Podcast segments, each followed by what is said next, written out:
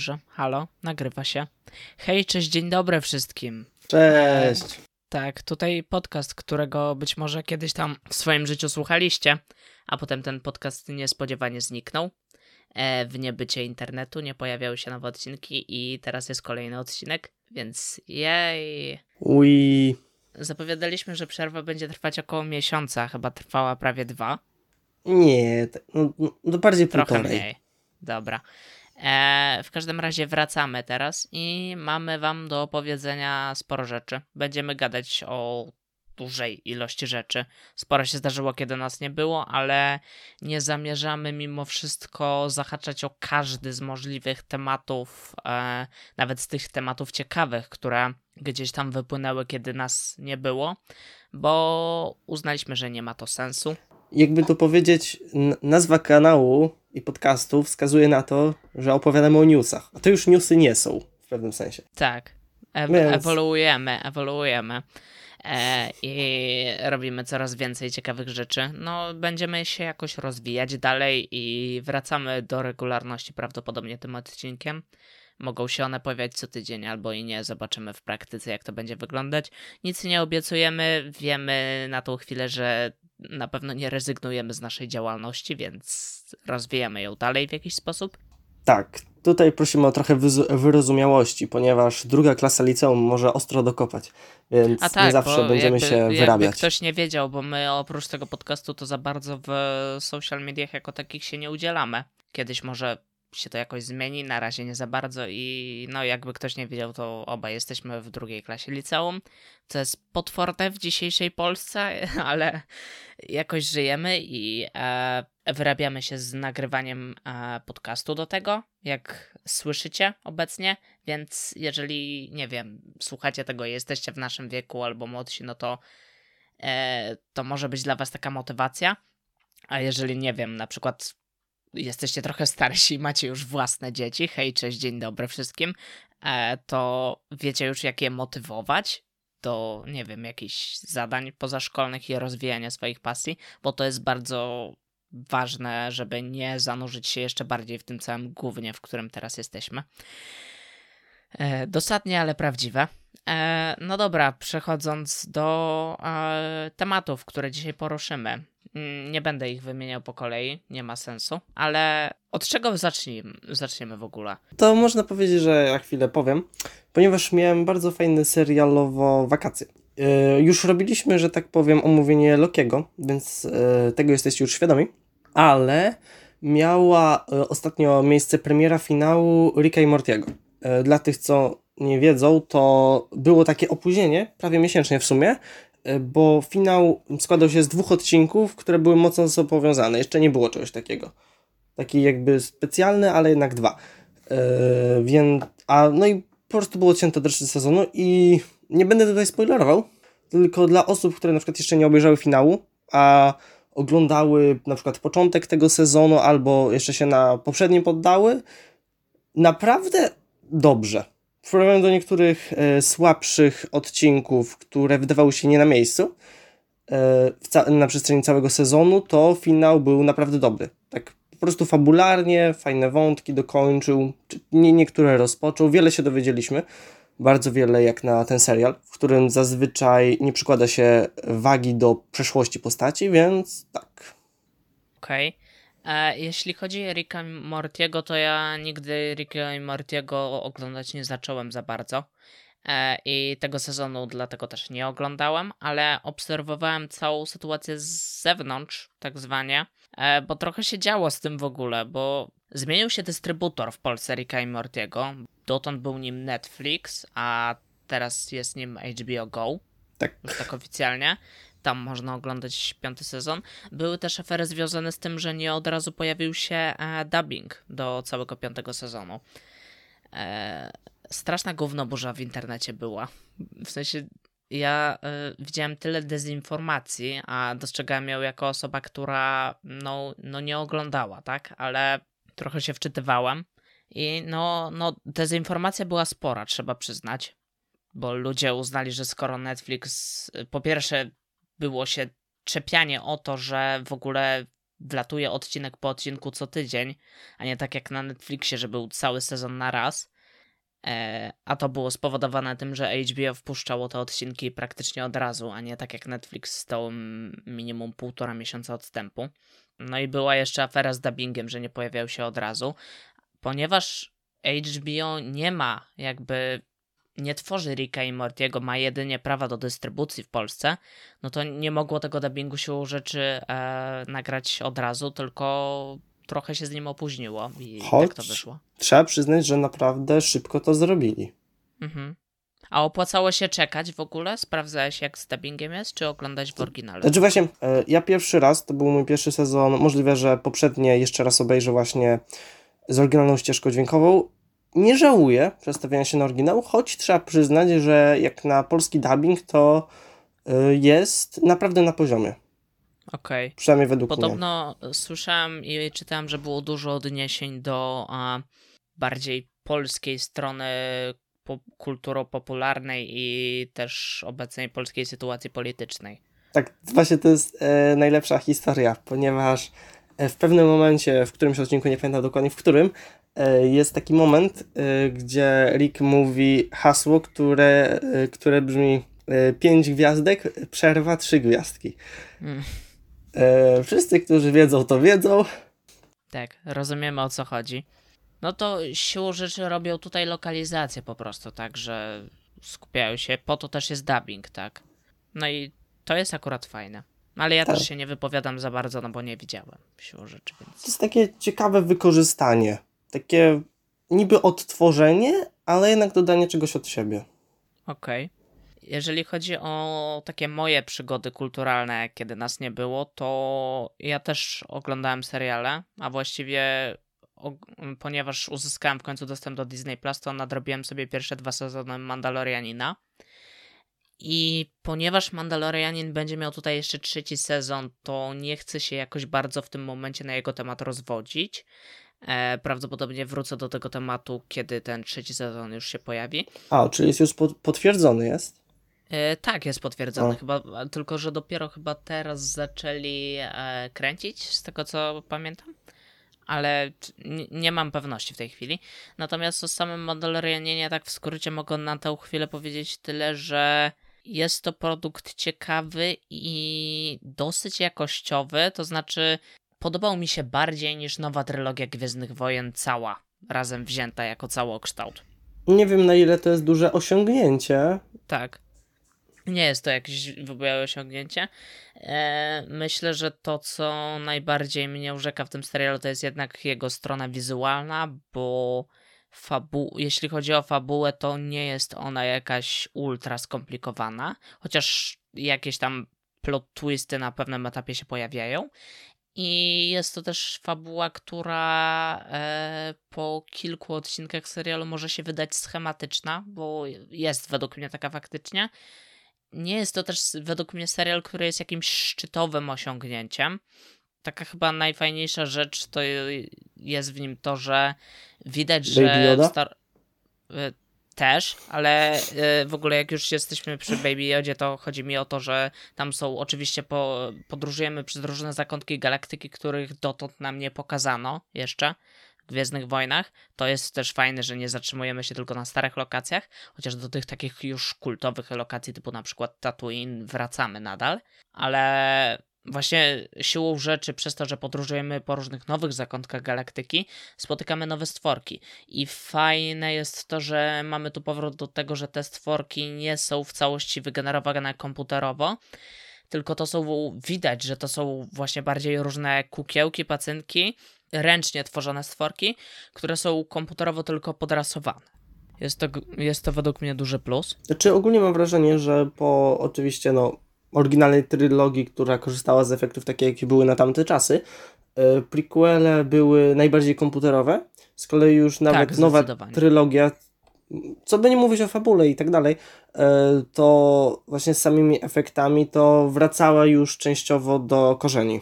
Tak, faktycznie to już był częściowy powrót i tutaj widzimy, że idą w tą stronę dalej. To dodaje tej warstwie wizualnej uroków i mnie się to podoba. Wiadomo, że mogą się zdarzyć jacyś przeciwnicy tego, którzy jednak wolą, kiedy mają w całości dopracowane i wygenerowane komputerowe CGI. Ja nie jestem zwolennikiem czegoś takiego, ale no wiadomo, co kto lubi, tak? Sam serial mogę polecić, aczkolwiek z zastrzeżeniem, że no, produkcja idealna na pewno to nie jest. Jest jej daleko do bycia jakąś wybitną, dobrą czy idealną. Na pewno nie jest też jednym, jednym z najciekawszych projektów Disney Plus obecnie, ale rozwija się w coś ciekawego, mimo to, że e, no, finał drugiego sezonu jest dla mnie totalnym zawodem. E, ale no nie wiadomo, nie będę spoilerował, bo Disney Plus nadal nie jest dostępny w Polsce, więc wiadomo, że spora część osób mogła jeszcze serialu nie obejrzeć w taki czy inny sposób. A powiedz mi, na ile trzeba się orientować e, w Gwiezdnych Wojnach, żeby zrozumieć jakby cały przekaz serialu, na, w sensie po, e, ponad filmami? Różne seriale, animowane. Mm, wiesz co, wydaje mi się, ja też z tymi serialami animowanymi, które wychodziły w międzyczasie jakoś, typu Wojny Klonów, czy tam jakieś jeszcze inne były produkcje, nie jestem zaznajomiony też, a mogłem wejść jakoś w fabułę, aczkolwiek tam się na przykład nawiązania do wojen klonów właśnie pojawiają. Też w pewnym momencie jeszcze to dodam przy okazji, że robi nam się tu troszeczkę z tego serialu taka reklama i zapowiedź tych setek innych produkcji ze świata Star Wars, które na Disney Plus w najbliższym czasie się pojawią. To też na minus zdecydowanie, aczkolwiek no ma to też jakieś walory na pewno ale myślę, że znając, dajmy na to, tylko filmy z Gwiezdnych Wojen, można w ten świat spokojnie jakoś wsiąknąć, przedstawiony w tym serialu i nie trzeba raczej mieć znajomości różnych tych bardziej pobocznych produkcji. No to chyba Aczkolwiek... dobrze. No tak, myślę, że tak. Aczkolwiek no wiadomo, że jak się je obejrzy wcześniej, no to będzie się bardziej zorientowanym w tym, co tam się dzieje, ale to nie ja jak to zacząłem oglądać, to myślałem, że fabuła będzie w bardzo, bardzo mikrostopniu nawiązywać do tego, co się działo w filmach i w tej głównej osi historii, będąca całym wątkiem rodzin Skywalkerów. Okazuje się, że jednak nawiązuje to do tego głównego wątku przewodniego filmów bardziej. Trudno mi o tym mówić trochę. To znaczy, trzeba by chyba obejrzeć to, żeby zrozumieć, o co mi dokładnie chodzi, więc chyba nie będę to, w to dalej brnął jakoś. To można zostawić z takim tak. poczuciem tajemnicy naszych słuchaczy. Okej. Okay. E, skoro już jesteśmy przy produkcji Disney Plus, to a propos Disney Plus, czyli serwisu streamingowego Disneya, który miał się ukazać w Polsce pod koniec tego roku. Tak, tak ktoś napomykał, chyba to była w miarę oficjalna informacja, tak mi się wydaje. Europa Wschodnia, końcówka 2021, tak chyba było powiedziane. Mhm. No więc w domyśle my też, chociaż nie było to oczywiście nigdzie potwierdzone. Tak, ale no myśleliśmy, że jednak klientów potraktuje się poważnie. E, nie. E, nie. Moi drodzy, y, odbyła się w lipcu, czy tam na przełomie lipca, sierpnia, jak śledziliście na bieżąco te informacje, to wiecie odbyła się konferencja Disneya na, dla inwestorów, na której zapowiedział, że pod koniec tego roku ich serwis Disney Plus trafi do jakichś tam krajów azjatyckich, a Europa Wschodnia ma sobie tym razem czekać do lata 2022. Jakkolwiek to brzmi. No, wkurzyłem się trochę. Nawet bardziej niż trochę. Teraz już wiadomo, jesteśmy jakiś czas po usłyszeniu tego, więc trochę nam chyba emocje opadły raczej, ale no niesmak pozostaje względem tego, co robi Disney obecnie, tak? No. Tak, i z tego właśnie powodu podtrzymuję się mocno w swojej decyzji, że yy, nie zacząłem subskrybować Disney Plusa przez VPN. W tym momencie YouTube banuje odcinek. nie, chyba nie. E, teraz no nadal nie jest to data, którą ja już na przykład w tym momencie, tak jak tamtą poprzednią datę, jakby wszędzie y, się na niej bazowałem w jakichś dyskusjach w internecie i tak dalej, to w tym momencie no na pewno nie zamierzam już czegoś takiego robić.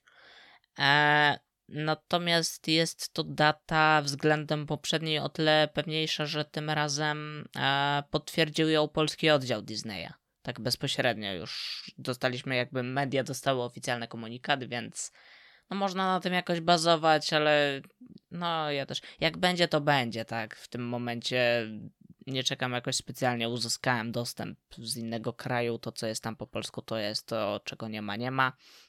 I no, jakoś z tym żyję i nie jest to dla mnie jakoś bardzo niewygodne, więc no czekamy nadal, ale chyba entuzjazm nam siadł już dawno. Ale już się smutnawo zrobiło to jeszcze, żeby bardziej się posmucić, to HBO Max też jest przełożone. E, tak, e, z HBO Max z kolei była taka sytuacja, że e, w ogóle lipiec i sierpień to były e, miesiące, kiedy zaczęło się pokazywać tuż po naszym, naszej przerwie zaczęły się ujawniać różne takie konferencje dla inwestorów właśnie tych największych firm. Swoją konferencję miał też koncern AT&T, do którego należał grupy Warner Media, czyli siłą rzeczy także HBO. I na tej konferencji Warner pomknął, że start y, platformy HBO Max w krajach Europy, który był wcześniej zapowiadany na y, końcówkę właśnie na jesień 2021, może zostać nieznacznie przesunięty na pierwszy kwartał roku 2022. Z racji tego, że bardziej chcą się skupić na rynku Ameryki Łacińskiej. I no w tamtym momencie ja się nie bazowałem na tych informacjach, dlatego że traktowałem je jako takie informacje niepotwierdzone, tak, takie może coś tam. No ale jak mogliśmy się domyśleć, do tego przełożenia faktycznie doszło. I chociaż nie, nie do końca, bo tak jak tu teraz patrzę, to yy, u nas sytuacja w tym momencie wygląda tak, że parę dni temu to było w minionym tygodniu dokładnie, e, HBO na swoim polskim profilu w social mediach e, wypuściło info, że platforma trafia już w 2022 roku do Polski. Przesłał też oficjalną zapowiedź. Jeżeli chcemy bazować na tych pierwotnych informacjach, no to Możemy zakładać, że będzie to pierwszy kwartał, aczkolwiek takie dane nie zostały podane. Natomiast Warner na tą chwilę zapowiedział specjalny event, wydarzenie internetowe, konferencję, która odbędzie się jakoś w październiku i na niej ma podać dokładne szczegóły a propos startu platformy w krajach Europy, e, w tym cenę dla poszczególnych krajów.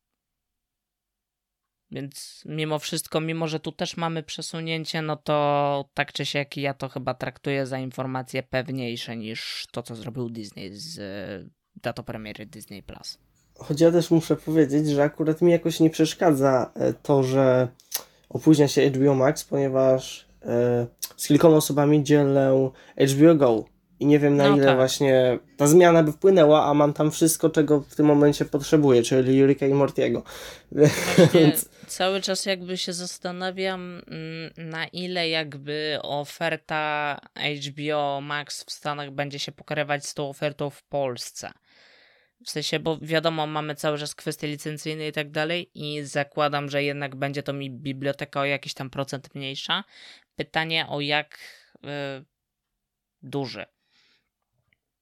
I też jeżeli no, będzie to biblioteka znacznie pomniejszona, no to jednocześnie ja zakładam, że ona będzie powiększana siłą rzeczy, kiedy te licencje będą się jakoś kończyć i Warner będzie mógł je stopniowo odzyskiwać. Mm, co do tych dat premiery, to nie jest tak, że w całej Europie został ten start przesunięty, bo start 26 października jest zaplanowany w Andorze, Danii, Finlandii, Hiszpanii, Norwegii i Szwecji.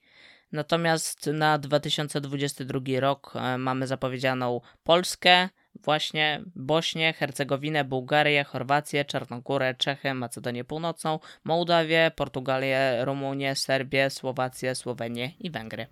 No to z bardzo fajnymi krajami jesteśmy zrównywani. No, ale Nie też... ma co. Tak, ale też z mm, HBO generalnie jest zupełnie inna sytuacja pod tym względem akurat niż z Disney Plus.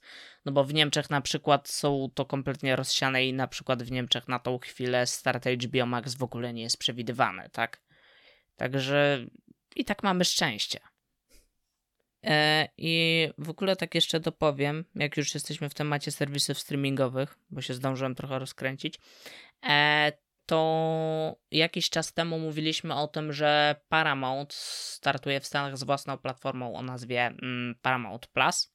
Wow, e, ależ I tam oryginalnie. od Paramountu. I od pewnego czasu też e, NBC e, funkcjonuje z własną platformą o nazwie Peacock. także w Stanach, plus tam w niektórych innych krajach, nie pamiętam których. A żadna z tych platform nie trafi do Polski. Natomiast stanie się coś trochę lepszego, dla mnie przynajmniej personalnie, to każdy jak tam woli, może sobie to się wypowiadać na ten temat. Natomiast e, trafi inna platforma do Polski o nazwie, której na tą chwilę nie mogę sobie oczywiście przypomnieć. Wiemy, że na rynek europejski, ogólnie europejski, trafi nowa platforma.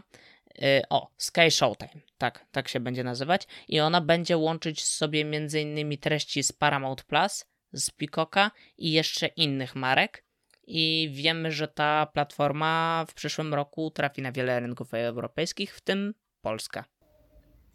Mhm. Także od razu. Także kolejna rzecz, za którą można, na którą będzie można wydawać swoje ciężko zarobione pieniążki. Kto jak kto? Jej. A, I y, no ciekawi mnie cennik w tym momencie, tak? Bo oferta, biorąc pod uwagę, ile NBC swego czasu wypuszczało dosyć kultowych seriali, a wiemy z ostatniego czasu, że te kultowe seriale, które już się dawno skończyły i były nadawane kiedyś w telewizji, mimo wszystko stanowią dosyć mocną część oferty większości platform streamingowych na przynajmniej naszym rynku, ale także innych rynkach. Więc to będzie platforma z taką ofertą, no, dosyć mocną i zobaczymy, jak to się będzie miało. Widać, że mm, jednak rynek w Polsce VOD w następnym roku będzie już wyglądał o wiele bardziej kolorowo i zobaczymy, jak to się będzie miało na przykład do Netflixa, do tych naszych y, rodzimych serwisów typu playery i tak dalej, jak to się będzie miało wreszcie do telewizji kablowej. Jestem ciekawy, jak, bo to na pewno w jakiś sposób na ten rynek wpłynie, tak? I no za jakiś czas na pewno będziemy już wiedzieć, jak to się wszystko będzie mie mieć. Za parę lat to się ustabilizuje i wtedy już wszystko będziemy wiedzieć. Tak. Niestety trochę trzeba jeszcze poczekać. No. Na wyniki. Dobrze, to ja teraz wyjdę z tej strefy cyfrowej i powiem coś, co już dawno nie było mówione, a mianowicie kącik Lego. Dun, dun, dun, dun, dun, dun, Wow, dun, dun. dokładnie. I nie będę się ograniczał do zeszłego tygodnia, tylko pokrótce powiem z takich najważniejszych rzeczy, co się działo. Było parę większych zestawów, ale którym się nie chce przyglądać, bo według mnie są nudne. Na przykład zestaw z takiej serii świątecznej, że co roku po prostu jest wydawany taki zestaw w klimacie świątecznym i on jest taki bardziej zaawansowany, jeśli chodzi o konstrukcję, ale no jest nudny w tym roku, bo na przykład Yy, moi rodzice, w sensie mama, siostra, tak częściowo tak wspólny prezent to był, yy, mają chatkę z piernika. Jest to według mnie coś dużo bardziej oryginalnego niż to, co dostaliśmy w tym roku, czyli po prostu wizytę Mikołaja w jakimś domku. Po prostu Mhm. nie ma w tym nic takiego kreatywnego, ciekawego, więc to ładnie wygląda, ale też bez szału. Więc to zostawmy, ale yy, be, w sensie premiery jeszcze nie było, ale już wszystko wiemy o dwóch zestawach, czyli dwóch tumblerach. Czy ty pamiętasz, co to jest tumbler? Eee, chodzi w tym momencie, o, nie chodzi ci o tą platformę taką, na której się wrzuca różne rzeczy? Nie. Y, Chodzi Nie o To nie Batmo- y, Chodzi o Batmobila z trylogii o Mrocznym ryce- Rycerzu Nolana. Okej. Tak, Dobra. taki czołgowy. I wyszły dwa zestawy. Jeden to jest odświeżenie takiego zestawu sprzed paru lat, który już nie był przez parę lat też już w sprzedaży. Yy, I no jest to oczywiście taki 18, plus, yy, wystawowy, ponad 2000 klocków. Różnic za wiele nie ma.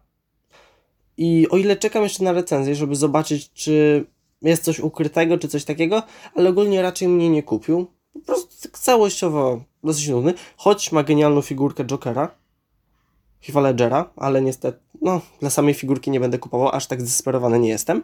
I jest on ogólnie bardziej bazowany właśnie wnioskując na figurkach i wszystkim na Mrocznym Rycerzu, czyli drugiej części z trylogii. Z kolei dosta- dostaniemy też miesiąc wcześniej, 1 października, duży będzie miał premierę 1 listopada, dostaniemy e, takiego małego, takiego niby, że tak powiem, zabawowego, takiego za troszkę ponad 200 zł chyba, jeszcze nie ma oficjalnej polskiej ceny, ale że tak jak na zestaw w tej skali, czyli czegoś dosyć małego i też jeśli chodzi o wiek, e, to jest plus 8, czyli też jakby było dużo ograniczeń, a naprawdę wyszedł ładny model i raczej się na niego zdecyduję, bo po prostu nie jest to drogie, a jest to naprawdę ładne i nie wiem, czy już to wspominałem, bo się zakręciłem. Ten konkretny zestaw jest bazowany na Batman Begins i mamy tam Scarecrowa, czyli takiego gościa, co za pomocą gazu y, wprowadzał ludzi w halucynacje.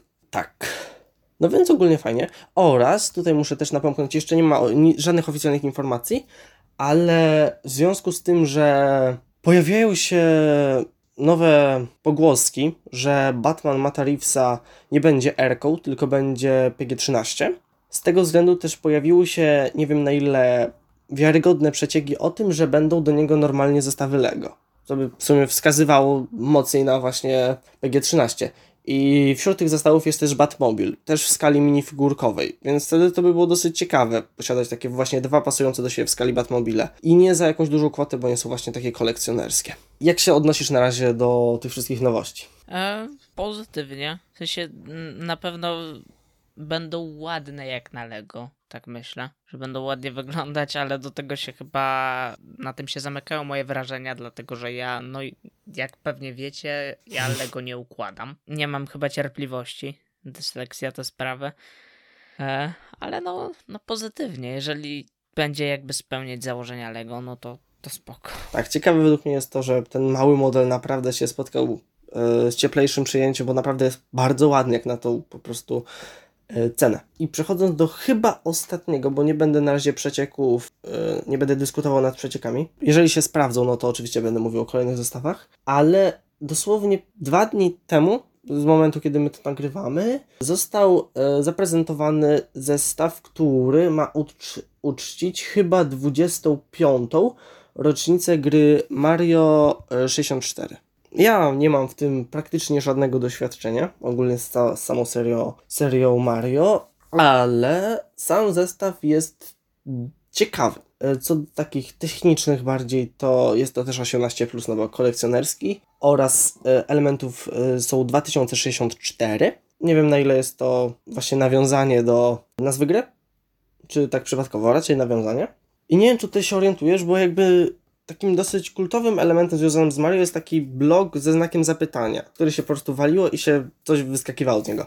I tutaj jest to tak zrobione, że mamy po prostu taki wielki żółty blok, który no, ogólnie no, nie ma jakichś walorów mega estetycznych, no jest ładny, ale no, jest blokiem takim sześcianem, ale z kolei y, za pomocą mechanizmu, który według mnie jest bardzo fajny, tak ze strony entuzjasty Lego po prostu sam mechanizm jest mega ciekawy, że po prostu naciskając w pewnym miejscu rozkłada się jakby cały świat, na który składają się cztery poziomy z tej gry. Więc mi się naprawdę podoba. Gdybym miał jakieś wspomnienia konkretne z tą serią gier albo z, konkretnie z tą konkretną grą, to może bym się zdecydował, ale w mojej obecnej sytuacji to, że jest to ładne, nie wystarcza po prostu, żebym to kupił.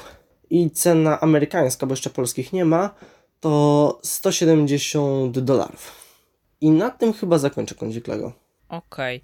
Tak jeszcze patrzę, co oprócz y, głównego tematu dzisiejszego odcinka, który w założeniu ma być głównym tematem i tym razem chyba wreszcie w praktyce też będzie głównym tematem.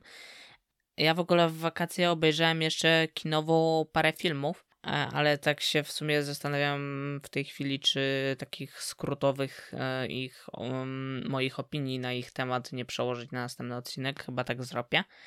E, więc oprócz tego zostało nam tak, tuż po tym jak zniknęliśmy, ujawniono bardzo ważną informację, to znaczy mm, Amazon wstawił post z datą premiery serialu Władca Pierścieni od Wow. Amazona właśnie. A e, jest to 2 września za rok, czyli w roku 2022. Jest to ciekawe pod tym względem, że napomykaliśmy o tej dacie na początku naszego ostatniego przed przerwą odcinka. Wtedy myśleliśmy, ja, to znaczy ja sugerowałem, że gdzieś mi się obiło że to mogą być wakacje za rok. Więc wrzesień, no, bardzo się nie myliłem. Ciekawe. E, I poza tym jeszcze wyszło, oprócz wielu zwiastunów, wielu rzeczy, pokazały się też zwiastuny dwóch Marveli, to znaczy Spidermana No Way Home i drugi zwiastun Eternals. E, Ten pierwszy wywołał o wiele więcej emocji niż ten drugi. A szkoda. Ja akurat mam trochę. Znaczy, no, czekam na Spidermana, bo lubię Doktora Strange'a, ale ogólnie Eternals według mnie będą filmem ciekawszym. Ale przekonamy ja, się. y, mnie ciekawi, widać, że to będzie film, który pod wieloma względami będzie wygrywał wizualnie na tle innych Marveli. Jest też w sumie ciekawe to, że to chyba pierwszy film Marvela, e, który Marvel tak otwarcie sygnuje logiem reżyserki w tym przypadku. E, i, ale nie jaram się jakoś bardzo. To znaczy, nie, nie mam takiego czegoś, że o Boże, chcę już ten film i. Ja tam no na chcę pe- każdego Marvela już, więc to tak. Znaczy, to, to wiadomo, tak, ale nie mam jakichś y, w tym momencie większych oczekiwań i też chcę spokojnie poczekać, aż to będzie, zobaczyć to i wtedy na spokojnie o tym pogadać, właśnie. No, co do Spidermana, to oczekiwania mam większe, ale chyba inne niż większość ludzi w internecie. Większość ludzi chce Wiem. dwóch poprzednich Spidermanów w tym filmie, ja tam nie za bardzo.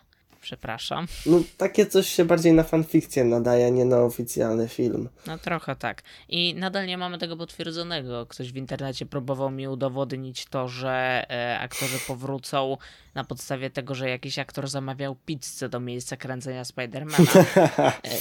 E, dla mnie to nie jest zbyt wiarygodne źródło, sorry. E, Jak no, możesz tak mówić? Potwierdza się to, że faktycznie będziemy mieć w tym filmie takie otwarcie multiversum na Ziemi, już takie y, permanentne. E, potwierdza się to, że powróci Doktor Octopus na 100% i prawie na pewno potwierdza się to, że powróci Zielony Goblin. I wiele innych rzeczy, jak można wywnioskować. Na przykład był przez chwilę prąd, Tak. no to możliwe, że elektro i takie różne. Tak. E, ja czekam, tylko cały czas się boję trochę tego, um, że w tym filmie może przez to, że będzie jeszcze bardziej niż poprzednia część napakowane akcją i różnymi zwrotami i tak dalej i wygląda na film, który będzie dosyć ważny, jeżeli chodzi o cz- rozpoczęcie czwartej fazy MCU, która już została rozpoczęta. I martwię się, że w tym wszystkim mm, zatraci się to, co ja uwielbiam tak najbardziej, najbardziej w tych Spider-Manach, czyli ten e, urocze, uroczo cringe'owy element teen dramy, który w pierwszej części jak dla mnie wypadał najlepiej, a w drugiej już został troszeczkę zatracony jakby, więc boję się, że tu od niego odejdzie się jeszcze bardziej. Ale Znaczy, no, zobaczymy, może Trzeba nie. zauważyć, że postać rośnie i dojrzewa, więc no. No tak, tak. Choć śmieszne jest, że w ogóle się zauważy, że już Far From Home był po Endgame. Jakoś tak nie myślę jakoś o tym No często. był, był. Co do zwiastunów jeszcze, to z takich najnowszych rzeczy, to z poprzedniego tygodnia, czyli tych rzeczy, które zasadniczo powinniśmy poruszać, to yy, wyszedł wreszcie zwiastun nowego Matrixa. A wcześniej jeszcze był pokazany jego tytuł, który brzmi Resurrections, co przetłumaczono na ma- Zmartwychwstania. To jest w miarę tłumaczenie w miarę dosłowne i okej. Niektórzy się czepiają, że było tam e, re, coś tam resumpcja? Nie, nie pamiętam jak się, jak nazywały się poprzednie części. Ale o, to, były był, na to R w były ciekawe razie. tytuły. I właśnie, i ludzie się czepiają, że to też nie, nie jest na R. Mnie szczerze mówiąc to mało obchodzi, nie? To, to jest akurat najmniejsze zmartwienie moje w związku z tym filmem. Proponuję Większe tytuł Reżim takie, że Sanitarny. Tak, większe zmartwienie moje związane z tym filmem jest takie, że jak dla mnie ten film nie powinien w ogóle powstawać. Tak, nie powinien. Bardzo się go Tam obawiam. już się nie da nic opowiedzieć. To jest skończone. Dlaczego zma... Jakby dosłownie tytuł sugeruje, że będą jakoś postacie przywracać do życia. Jakby, kurde, to jest tak naciągane. W sensie, a biorąc pod uwagę, że już e, druga i trzecia część Matrixa, które widziałem stosunkowo niedawno, były bardzo porąbane. E, I były naprawdę dziwne No ale doświadczeniem przynajmniej filmowym. poprowadziły do jakiegoś zakończenia. Teoretycznie do czegoś prowadziły. No, no, właśnie obejrzałem te filmy i mam bardzo mieszane uczucia co do nich. Znaczy, pie, pierwsza część jest jak najbardziej super, aczkolwiek też e, nie jest jakimś Nie aż moim tak- ulubionym Nie filmem. aż tak perfekcyjna, jak się ją pamięta. Tak, jakby ce, cenię za pomysł i tak dalej, za oryginalność, za wprowadzenie czegoś nowego. Yy, doceniam jakby wkład w popkulturę XXI wieku. A, ale no. ale yy, wiedziałem, że będzie ale. tak, nie, nie jest jakby. Nie jest, to, nie jest to jakiś mój. Yy, ale cenię, tak. Mm, natomiast dwie następne części, które oglądałem niedawno, nie kupuję tego. W sensie, no nie. Nie bardzo, jakby. Yy, mam bardzo mieszane uczucia. No ale dobra, no może z nowym Matrixem jednak nie będzie tak źle, aczkolwiek w tej chwili po tym zwiastunie troszeczkę wygląda dla mnie jak te tanie serialiki fantazy od Netflixa. Te wiesz, te takie najtańsze, Mhm, tak, tak, targetowane do nastolatków. Dziękuję. Eee, Widzę, że szanują nas bardzo, że jesteśmy bardzo respektowaną grupą odbiorców wysokiej sztuki. No tak. Dobrze. Czy masz coś jeszcze, oprócz naszego głównego tematu? Biorąc pod uwagę, że tak jak mówiłem, swoje wrażenia filmowe z wakacji chyba pozwolę sobie y, zabrać na nie część y, odcinka za tydzień, no to chyba to wszystko, tak mi się wydaje, już były.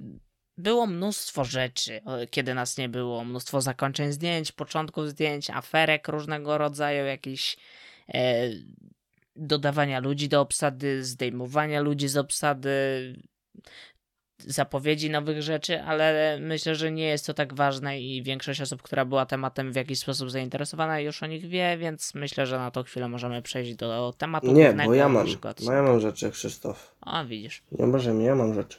Widzisz, Ja mam- masz. Tak, ja mam rzecz taką, że też dwa, chyba dosłownie, nie, nawet wczoraj, e, na kiedy to nagrywamy, został dany, nie do końca wydana, tylko nie, nie chcę tak do- dosłownie tłumaczyć, bo to wtedy głupio brzmi, tylko był soft launch e, kolejnej gry Ironhide Studios, tej, o której mówiłem ostatnio, ta, ta, ta sama wytwórnia gier. I e, jest to Junk World, jest to powrót trochę do Tower Defense, bo ostatnia ich gra to był RPG. Trochę już grałem. Ogólnie jest to gra darmowa. Co jest, to jest pierwsza gra darmowa z tego studia. Wszystkie poprzednie były płatne. Ale niestety, przez to, że jest to gra darmowa, to o ile samo granie sprawia przyjemność, nie da się z tym za bardzo kłócić, ale problem jest taki, że jest tam system energii, że ileś energii zużywasz za podejście do poziomu. Czyli jeżeli nie pójdzie ci na przykład dwa razy, to już praktycznie nie możesz dalej grać, tylko musisz czekać, bo to się po prostu z czasem uzupełnia. Y, Jest to, przynajmniej na razie, mój główny zarzut. Też to, że gra sama z siebie za dużo czerpie z Clash Royale. Y, To jest aż trochę zbyt widoczne. Ale no, jeszcze dam jej oczywiście szansę, no bo jeszcze nie grałem w nią mega dużo. I żeby sprostować o co chodzi z tym soft launchem, to na razie jest to gra tylko na Google Play yy, i tylko w pięciu krajach, których nie chcę mi się za bardzo jakoś wymieniać, bo nie pamiętam już dokładnie, które na pewno Urugwaj, chyba Australia, Wielka Brytania, a ja po prostu w niego gram za pomocą VPN-a. Tak, jestem bad guy. Niezłe eksperymenty robi nasze ukochane studio Ironhide, które już po raz chyba trzeci gości w kolejnym odcinku podcastu. Tak. W sensie jedną grę wrzucają na Apple Tak, Arcade tylko i tak. wyłącznie, a drugą wrzucają już na Google Play i darmowo, ale tylko dla niektórych krajów. Nie jest Tak, złe, to jest bardzo naprawdę. kontrowersyjne. Mam wrażenie, że to upuścili po pierwsze dlatego, że pierwszy raz robią taki typ gry i po prostu będą wprowadzać nowe kraje razem z wprowadzaniem nowych funkcji. To jeszcze też wyjaśnia niektóre niedociągnięcia w samej grze, bo to jest nawet blisko bety takiej. Tutaj jeszcze ją testujemy, jeszcze nie ma wszystkiego. Ale mam wrażenie, że też dali ją tak od razu, bez prawie żadnej przerwy. To było jakieś dwa miesiące. Po prostu przez to, jak bardzo wszyscy z Androida byli wkurzeni za Legends of Kingdom Rush. I musieli po prostu PR-owo się zdecydować na taki ruch, żeby wszystkich udobruchać. Tak mi się przynajmniej wydaje. To na tym kończę. Jeżeli skończę grę, w sensie na, na tyle, na ile można już kończyć w tej formie, to możliwe, że w którymś najbliższym odcinku się pojawi krótka recenzja. Okej, dobra, bo y, czas nas goni, ty masz dzisiaj mało Tak. czasu, a musimy jeszcze przechodzić do głównego tematu naszego odcinka. E, byliśmy w kinie. Wow! Niesamowite osiągnięcie. E, byliśmy w kinie na nowym Marvelu. Mm, tak, kolejny odcinek pod rząd Uj. poświęcony produkcji Marvela. A niedługo też będzie kolejny, bo się What If skończy. A, Wszyscy na to pięknie. czekali, tak, dokładnie. monofonia. E, no, jak wiecie, nową produkcją Marvel Cinematic Universe jest Shang-Chi and Legend of the Ten Rings. Nie będę Piękny wymawiał tego tytułu w całości, wręcz. wymówię go tylko raz, jeszcze raz po polsku. Shang-Chi i Legenda Dziesięciu Pierścieni. Koniec, nie wymawiam już nigdy tego tytułu w całości, dziękuję. Znaczy po angielsku nie masz takiego dramatu. Ale też tak się, polsku. za długi jest. No, styl jest za długi, dobra, ale o tym już Znaczy, mówiliśmy. mogło być bez legendy, mogło być po prostu i 10 pierścieni, kropka. Okej. E, W ogóle tak na wstępie, to czy ty też uważasz, że to jest taki film, który e, może oczywiście obchodząc się bez paru smaczków, nawiązań e, i tak dalej, a i bez scen po napisach oczywiście, do których jeszcze będziemy wracać, ale może ten film obejrzeć osoba kompletnie niezwiązana z Marvelem i też może się na nim dobrze bawić? Ogólnie powiedziałbym, że to się warto obejrzeć, bo jednak jest powiązane, ale Znaczy, w no porównaniu wiadomo, tak. do ostatnich seriali, które były tak powiązane, że bardziej się nie da, no to tak. No, bo y, tak, też mi się wydaje, że jeżeli nie, nawet nie jesteście jakoś zainteresowani Marvelem, ale na przykład zaciekawił was ten film, bo też jest to jak na Marvela film inny, a, a nie, nie widzieliście dotąd innych filmów Marvela, a na ten chcecie się wybrać, to myślę, że możecie to spokojnie zrobić, bez scen po napisach, bo nie będzie to miało dla was chyba za większego sensu. A, ale, ale można, tak. I zachęcamy chyba do tego, tak? Zachęcamy. Tak, tak, tak, tak. Okej. E, I chyba w tej chwili nie będziemy się raczej rozdzielać na omówienie spoilerowe i Nie, niespoilerowe. nie. Biorąc pod uwagę, że i tak jesteśmy chyba ostatnimi osobami recenzującymi ten film w polskim internecie, tak wyszło, e, no to chyba y, można już tylko przejść do dyskusji spoilerowej od razu z miejsca. Jakie miałeś oczekiwania? Niskie, bardzo niskie. Okej. Kampania promocyjna była do niczego, kompletnie. W sensie, zwiastuny kompletnie, teraz już tak po obejrzeniu tego filmu mam takie coś, że zwiastuny kompletnie nie pokazywały, o czym ten film tak naprawdę jest i jak on tak naprawdę będzie wyglądał. Się, y, no, zwiastuny chyba nigdy nie były jakąś za mocną stroną akurat Marvela. Wyjątek mamy przy Endgame i Infinity War, tam jednak napięcie było budowane, ale przy większości tego typu solowych produkcji, no to e, nie ten tego, a w tym przypadku no jest, było jeszcze gorzej jak dla mnie.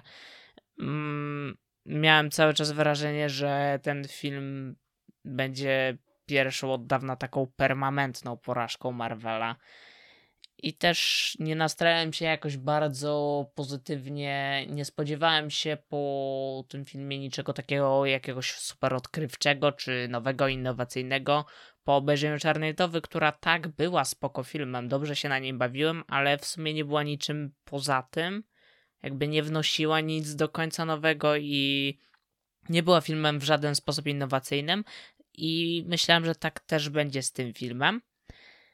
E, A jednocześnie chciałem, żeby on po pierwsze był dobrze napisanym origin story nowego bohatera, którego będzie chciał nam wprowadzić. I żeby poza tym, że jest suchym origin story, był czymś więcej, miał jakąś własną historię do opowiedzenia i tak dalej.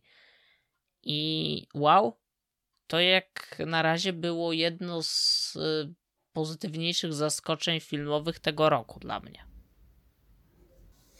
Pewnie to dlatego, że mieliśmy tak niskie oczekiwania. No, na pewno.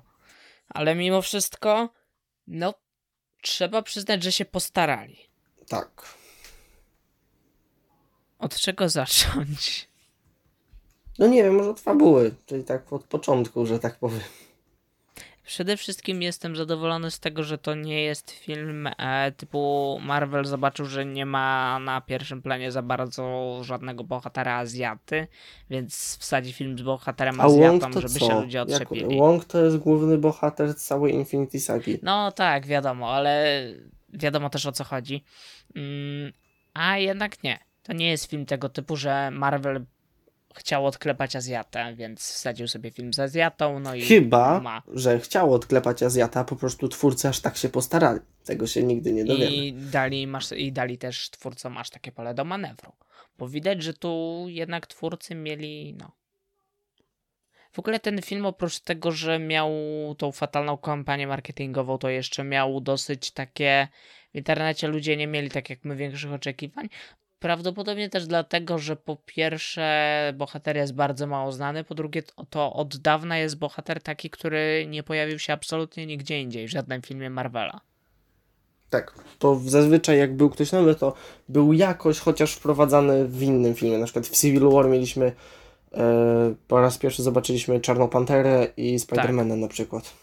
Tak, tak, tak. E, Kapitan Marvel była taką, może i taką bohaterką, aczkolwiek ona była tam w jakiś sposób zapowiadana, a w temacie tego bohatera chyba mieliśmy ciszę kompletną. Oraz to też znowu był taki prequel bardziej, Kapitan Marvel. Więc to też no, było bardziej tak, akceptowalne. Tak. I to, te, Tutaj to też jest ważne nie do końca. w tym kontekście, faktycznie. E, także to był taki film od dłuższego czasu i też możliwe, że kolejnym czynnikiem, dlaczego nikt się nie nastawiał pozytywnie, dlatego, że co by nie mówić o origin story Marvela, no to są one dosyć, jeżeli się spojrzy na nie wszystkie, to są dosyć schematyczne mimo wszystko.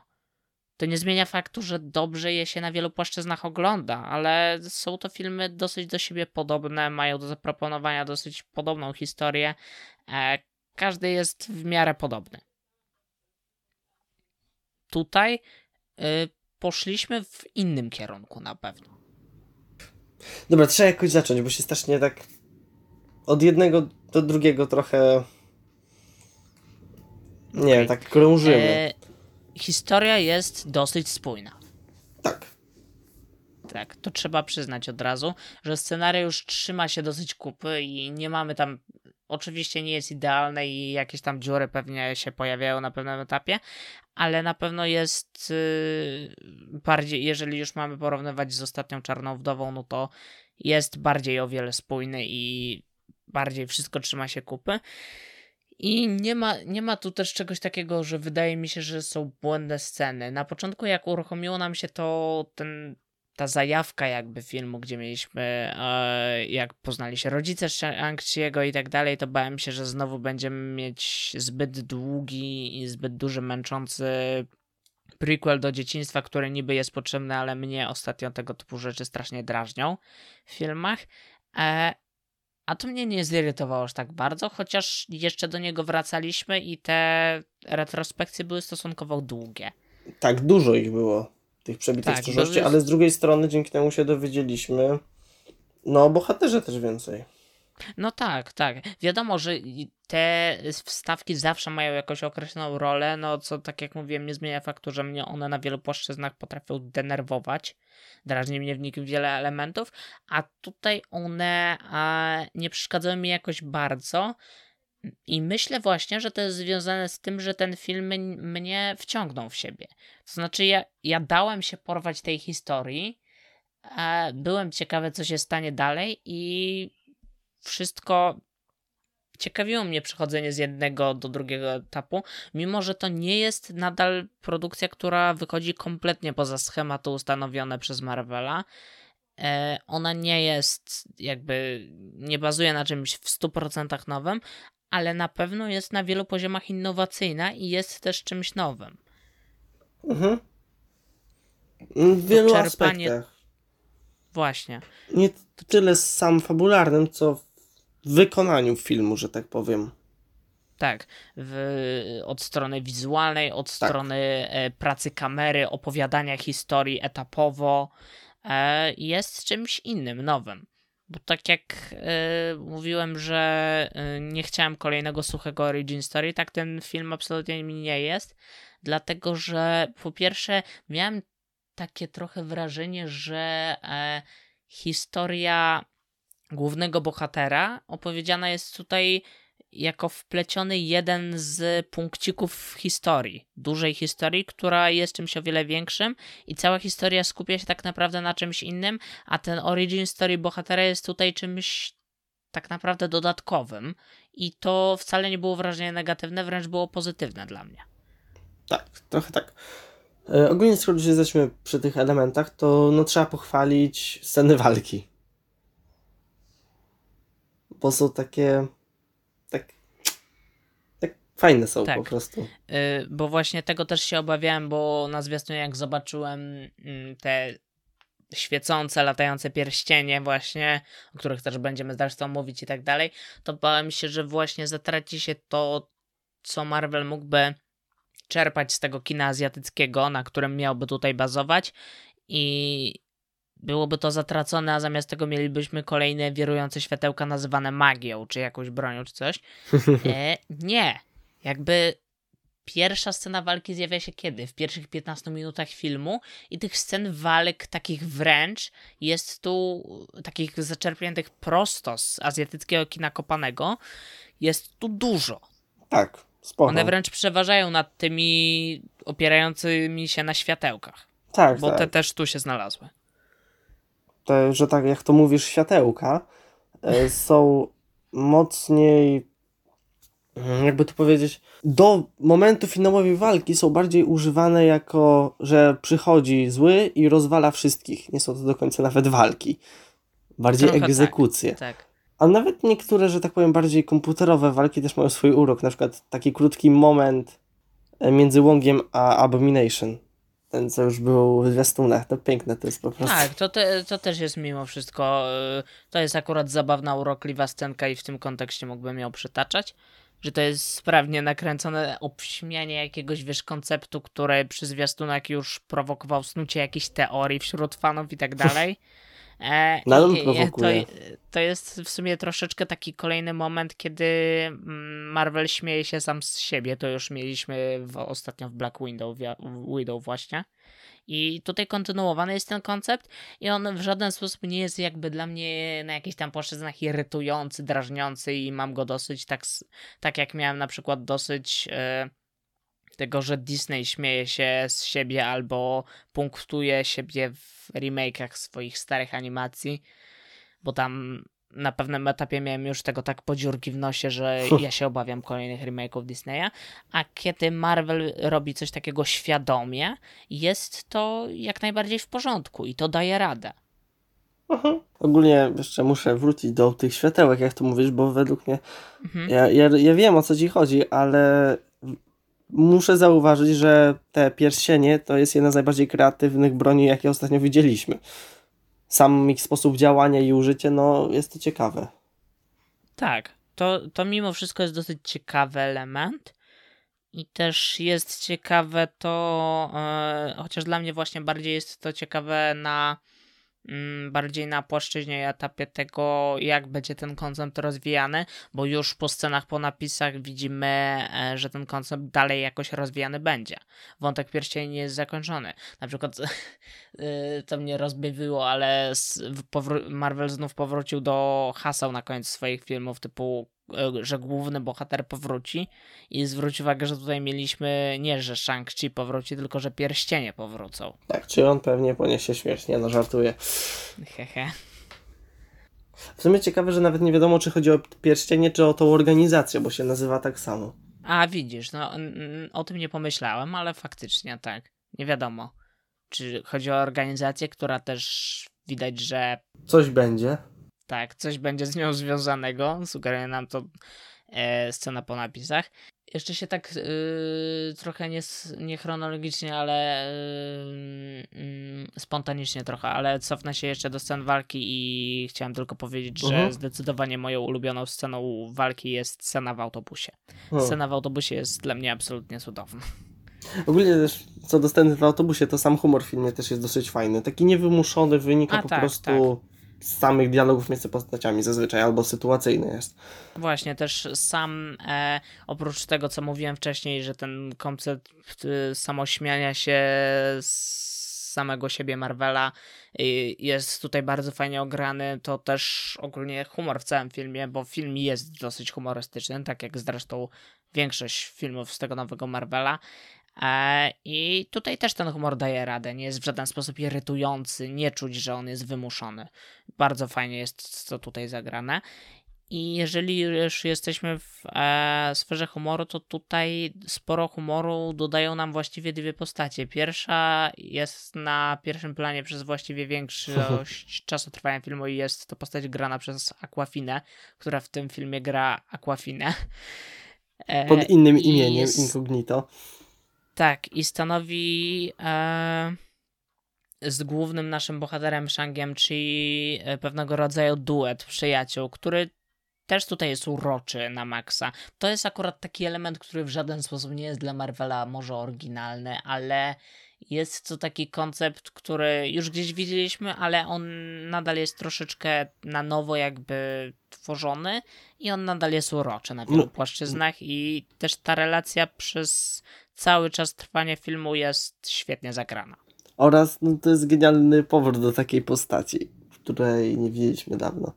No właśnie, bo y, troszeczkę zgubiły nam się tego typu postaci, ale może to i dobrze, dlatego że możliwe, że w pewnym momencie mieliśmy przesyt takich postaci, było one zbyt irytujące, odstawiliśmy ten koncept na jakiś czas i teraz wracając do niego widzimy, że jednak tego na nowo chcemy i potrzebujemy. To też co do samych wizualiów, chcę się odnieść, że plenery są ładne. Jest kilka takich głównych, że tak powiem, scenografii. Mamy najpierw takie zwykłe miasto, potem mamy y, ten nocny klub, a potem mamy światy roślinno-fantazy fajne. Ale co do efektów, są bardzo zróżnicowane. Raz to działa, dobrze, ładne są, a raz wygląda dosyć tandetnie. Tutaj mam wrażenie, że trochę poszedł budżet. Nie wiem, jaki jest dokładnie, ale mam wrażenie, że trochę może go brakowało. Mm, Wydaje mi się, że tak, właśnie w końcu tego nie sprawdziłem, można by to teraz sprawdzić, ale tak jak strona wizualna jest na pewno fajna, oddzielamy sobie te momenty mm, najpierw z San Francisco, gdzie mamy jeszcze ten vibe taki typowo amerykański. E, nawet ta scena w autobusie, to mimo, że to jest scena, która w dużym stopniu przedstawia właśnie takie kino kopane z rodem z Azji właśnie, to jest to scena zagrana w sposób amerykański dosyć, trzeba przyznać, to potem e, ten vibe amerykański nadal jest, kiedy już się przenosimy właśnie do tego nocnego klubu już w Azji i do tych innych regionów azjatyckich, ale on opada i robi trochę miejsce właśnie temu azjatyckiemu. Walki też są e, mm, czerpią z kina kopanego na innych płaszczyznach niż tylko taka wierzchnia, Tak, Mm. są że tak się wyraża. różne klisze są takie, tak, tak stricte z azjatyckiego. Nie tylko momenty walk. Właśnie sprawdziłem tak. film ma jeden z niższych budżetów w historii MCU. Yy, widzisz, no, No. właśnie, bo widać, że tutaj te efekty specjalne ucierpiały na wielu płaszczyznach. To widać szczególnie w finale, kiedy mamy już walkę z tym tak zwanym bossem. Otwory. E, I no, no widać, że tam coś nie stykło do końca i mamy tu pewne problemy. A natomiast y, nie, nie zawsze jest to jakoś bardzo widoczne i widać tutaj, że twórcom udało się to jakoś zamaskować. Widać to Tak, w tej scenie na ładne. przykład, kiedy ten, jest ta mapa układająca się z wody w powietrzu Mhm. e, na podłodze e, i widać to częściowo, bo nie do końca, bo tu też miałem pewne zgrzyty, ale widziałem częściowo, że jakoś udaje się to maskować w scenie, dwóch właściwie scenach, kiedy mamy przejazd przez ten leśny labirynt jakby ruchomy. E, ale tak, no akurat efekty specjalne są problemem w tym filmie, dlatego że no, one nie grają. Widać ładne. tutaj, że Marvel mimo wszystko nie dał, nie, czy też Disney nie, nie chciał dać twórcom aż tak dużego kredytu zaufania, co z jednej strony jest zrozumiałe, a z drugiej trochę głupie. To też w ogóle widziałem, a propos tego, że na przykład ten film nie miał absolutnie żadnych pokazów przedpremierowych. W niektórych Tak. kinach, choćby Cinema City miał w dniu premiery dosłownie dwa pokazy w jednym kinie. Jeden i to w Warszawie. E, Więc z jednej strony, tak jak mówię, jest to zrozumiałe, bo nowy, nieznany bohater, bo Azjata. Fatalna kampania marketingowa. Możliwe, że na pewnym eta- etapie nie wszyscy się zorientowali, że ten film to Marvel. Bo w sumie, z, jak się go już obejrzało i w trakcie jego oglądania, też czasami można e, odnieść takie wrażenie, przynajmniej ja takie wrażenie odnosiłem, e, że dałoby się w niektórych momentach zapomnieć, że to jest film Marvela. Mamy też całkiem sporą część tego filmu, w którym on jest filmem fantazy wręcz. Tak.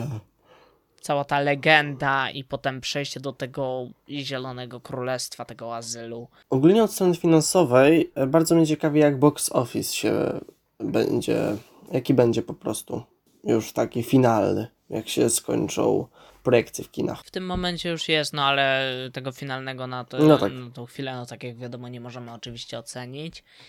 Film ma w ogóle oceny pozytywne dosyć w środowisku takim okołofilmowym i wśród ludzi oglądających Marvela.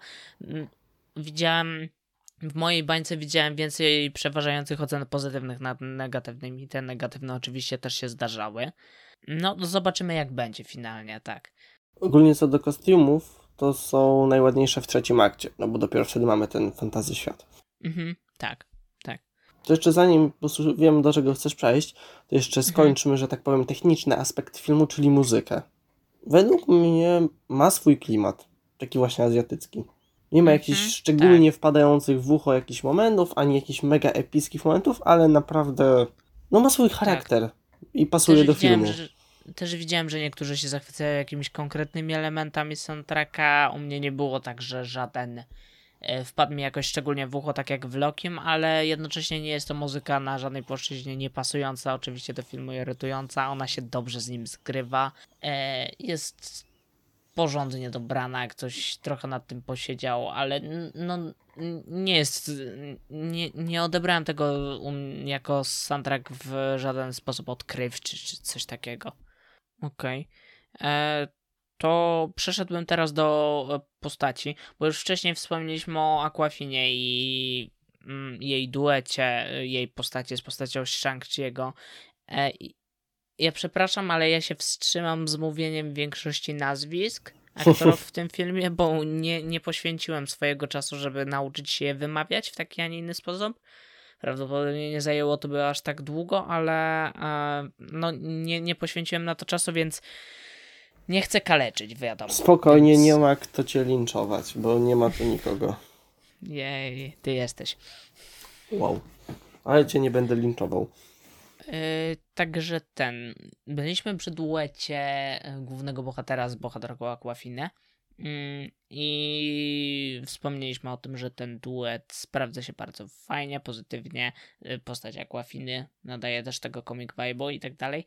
Ale mam problem z aktorem grającym Shang-Chi'ego. To A znaczy, dlaczego? miałem trochę wrażenie, że e, przez sporą część filmu, e, kiedy na przykład nie wchodzi w kontakty z bohaterką Aquafine, a, ale także w tych momentach jest to troszeczkę w tym filmie aktor, który sporo scen ogrywa jedną tą samą miną. Znaczy, można dlatego szukać takiego wyjaśnienia, jak to, że został wychowany na zabójcy, więc emocji, Coś że tak powiem, jest, za dużo tak, nie no. pokazywał w dzieciństwie. Jasne, można w tym szukać jakichś wy- wyjaśnień, ale ja też miałem wrażenie, że nie jest to postać pokazana jako postać, która jest jakoś bardzo, nie wiem jak to określić, ale jakoś bardzo taka postać, która zapada jakoś bardzo w pamięć i chce się wracać do e, scen z jej udziałem i tak dalej.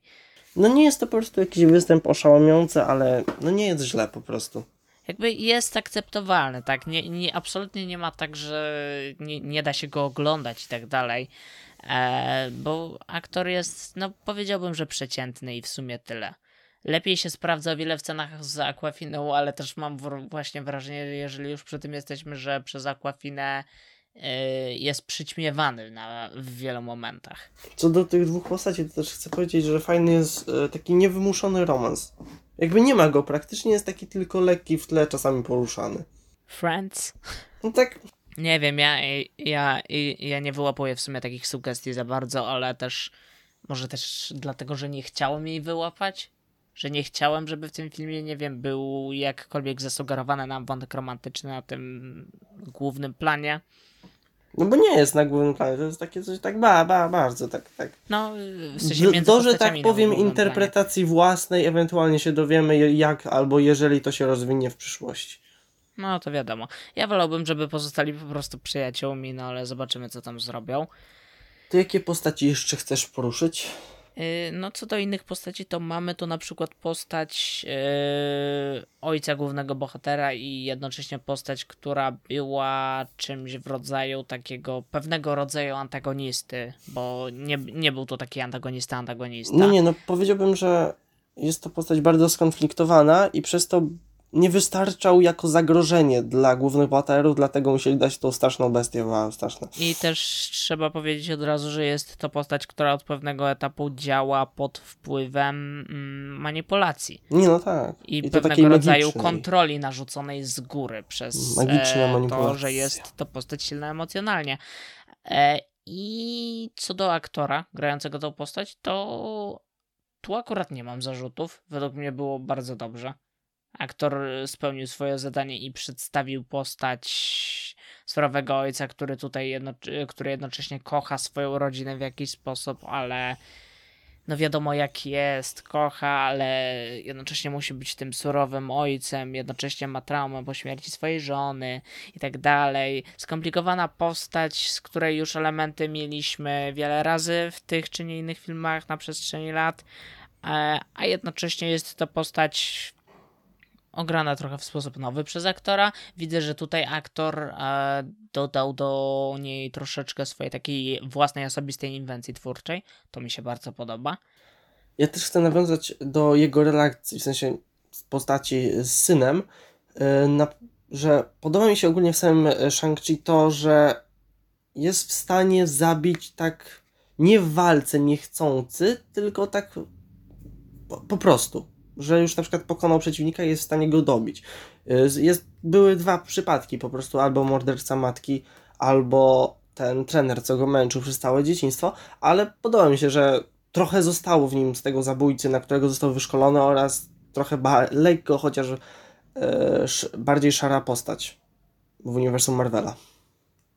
No tak, to, to zgadzam się, że to jest taki element, który był potrzebny na pewno i jest wręcz pożądany w tym filmie. Yy, co do postaci siostry głównego bohatera, to myślę, że też jest to postać przez aktorkę bardzo dobrze przedstawiona. Jest to postać na pewno, yy, w której widać te emocje, widać. Jednocześnie jest to postać bardzo skryta, ale wszyscy jednocześnie wiemy, czy też możemy się domyśleć o co tak naprawdę jej chodzi, e, jak ona przez, przez to, jak była traktowana przez całe swoje życie, odbiera teraz rzeczywistość e, i czego tak naprawdę od tego swojego życia oczekuje. Fajnie przedstawiona postać, ale też e, to nie jest takie wow, tak? Tak, Najbardziej jakby mi nie się- ma wow, ale z drugiej strony fajne, że jest dosyć ważna w fabule, prawie na równi z bratem. Że nie jest jakoś Mhm. strasznie rzucona w cień, to jest fajne.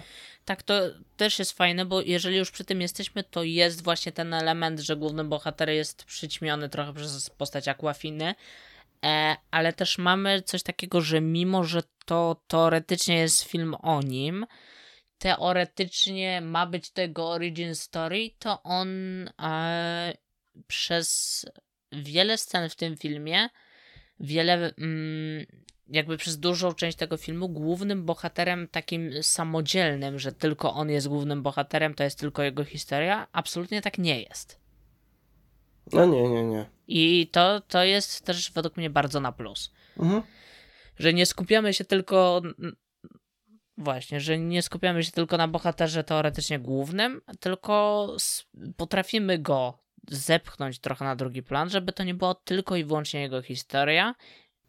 Co jest fajne, może też dlatego jest fajne, że tak jak mówiłem, dla mnie aktor nie do końca ma odpowiednią charyzmę, ale No bo o ile zawsze byli jacyś dwuplanowi pomagierzy, że tak powiem, no to nie byli jeszcze w aż takim stopniu rozbudowani, a już w szczególności, jeżeli to były całkowicie nowe postaci. Tak, bo ten, ta postać takiego asystenta, pomagiera głównego Herosa w Marvelu w Origins, yy, w tych Origin Story była praktycznie zawsze się pojawiała e, i zawsze była zdegradowana do takiej dosyć przyziemnej rulki albo takiej postaci, która jakoś tam pomaga głównemu bohaterowi, ale wiadomo też, że nie ma takiej mocy sprawczej, bo nie zyskała tyle supermocy czy coś tam, albo wręcz jest yy, czasami zdegradowana do roli wręcz takiego, za przeproszeniem, przydupasa głównego bohatera, tutaj nie mamy takiej postaci, bo postać Aquafiny też potrafi przedstawić coś samodzielnie. E, postać siostry absolutnie kimś takim nie jest. Ogólnie to jest śmieszne, że ta postać grana przez Aquafinę jest takim totalnie zwykłym człowiekiem, nawet bez żadnego treningu, który wpadł w ten świat przez przypadek. Ten świat takich różnych rzeczy superbohaterskich. Tak, no i to, to też jest coś, co już mieliśmy akurat, ale to, to nadal się tu sprawdza jak najbardziej. E, ona jako y, ta osoba, która jednocześnie jest, wygląda jak y, Chinka i ludzie oczekują, że y, mm, będą z nią rozmawiać po chińsku, jak przyjechała do Chin e, i teoretycznie niby jest Chinką, ale tak naprawdę została wychowana w tym duchu amerykańskim i wewnętrznie jest Amerykanką. E, I ta konfrontacja jakby z tą już wioską nam tutaj pokazaną jest y, naprawdę fajna. Jest jeszcze jeden wątek, bo jest jeszcze wątek postaci mm, Bena Kingsley, y, czyli tego fejkowego mandaryna, który nam tutaj powrócił. Tak, to no jest fajnie, dosyć śmiesznie i w sumie rzuca po prostu więcej światła na jego postać. Że to jest ciekawe, że ci poprosili o tych o nazwę, żeby wykorzystać to jako organizację terrorystyczną, która się przetacza przez praktycznie wszystkie trzy e, filmy o Ironmanie. No właśnie, też bardzo fajnie, że to jest najlepszy dowód na to, że Marvel o swoich postaciach z dosyć już stosunkowo starych filmów nie zapomina. To na duży plus. I też, no, nie jest on postacią irytującą dla mnie i jego wątek, taki e, jego rola czysto komediowa tak naprawdę się też sprawdza. I Morris, Morris to jest piękna rzecz. Tak, kiedy wchodzi w interakcję z głównymi bohaterami, e, chcemy tych interakcji po prostu. Tak, no to chyba na tym kończymy. Ja nie wiem ile dam. Może takie 7,5, ale to trochę pewnie zawyżone. I takie pół okay. serduszka, bo lubię kulturę azjatycką. Generalnie tak jak y, na przestrzeni całego filmu wszystko nam się sprawdza tutaj bardzo świetnie, wszystko jest ładnie zagrane, scenariusz trzyma się kupy i tak dalej, to wszystko zaczyna siadać w finale, które jest y, po pierwsze takim finałem dosyć typowym, po drugie mamy tam kilka takich głupotek, po trzecie no boss i zakończenie nie jest absolutnie w żadnym razie satysfakcjonujące dla mnie. Także finał na minus, ale cały film na, y, jak najbardziej na duży plus. Jest bardzo miłym zakończeniem dla, y, zaskoczeniem dla mnie tego roku. Co i... do finału, to chyba po prostu nie było pomysłu na jakieś dramatyczne zakończenie i po prostu Możliwe. trochę ja też tam e, Deus Ex Machina musieli trochę pójść. Właśnie, ja tam trochę widzę, że właśnie nie było na to zakończenia za bardzo pomysłu, a, ale co w sumie jakoś Ten często film... w filmach zauważamy, że jakoś nie mają tak. na zakończenie pomysłu. No trochę tak, a, albo mają, ale głupi jest to pomysł.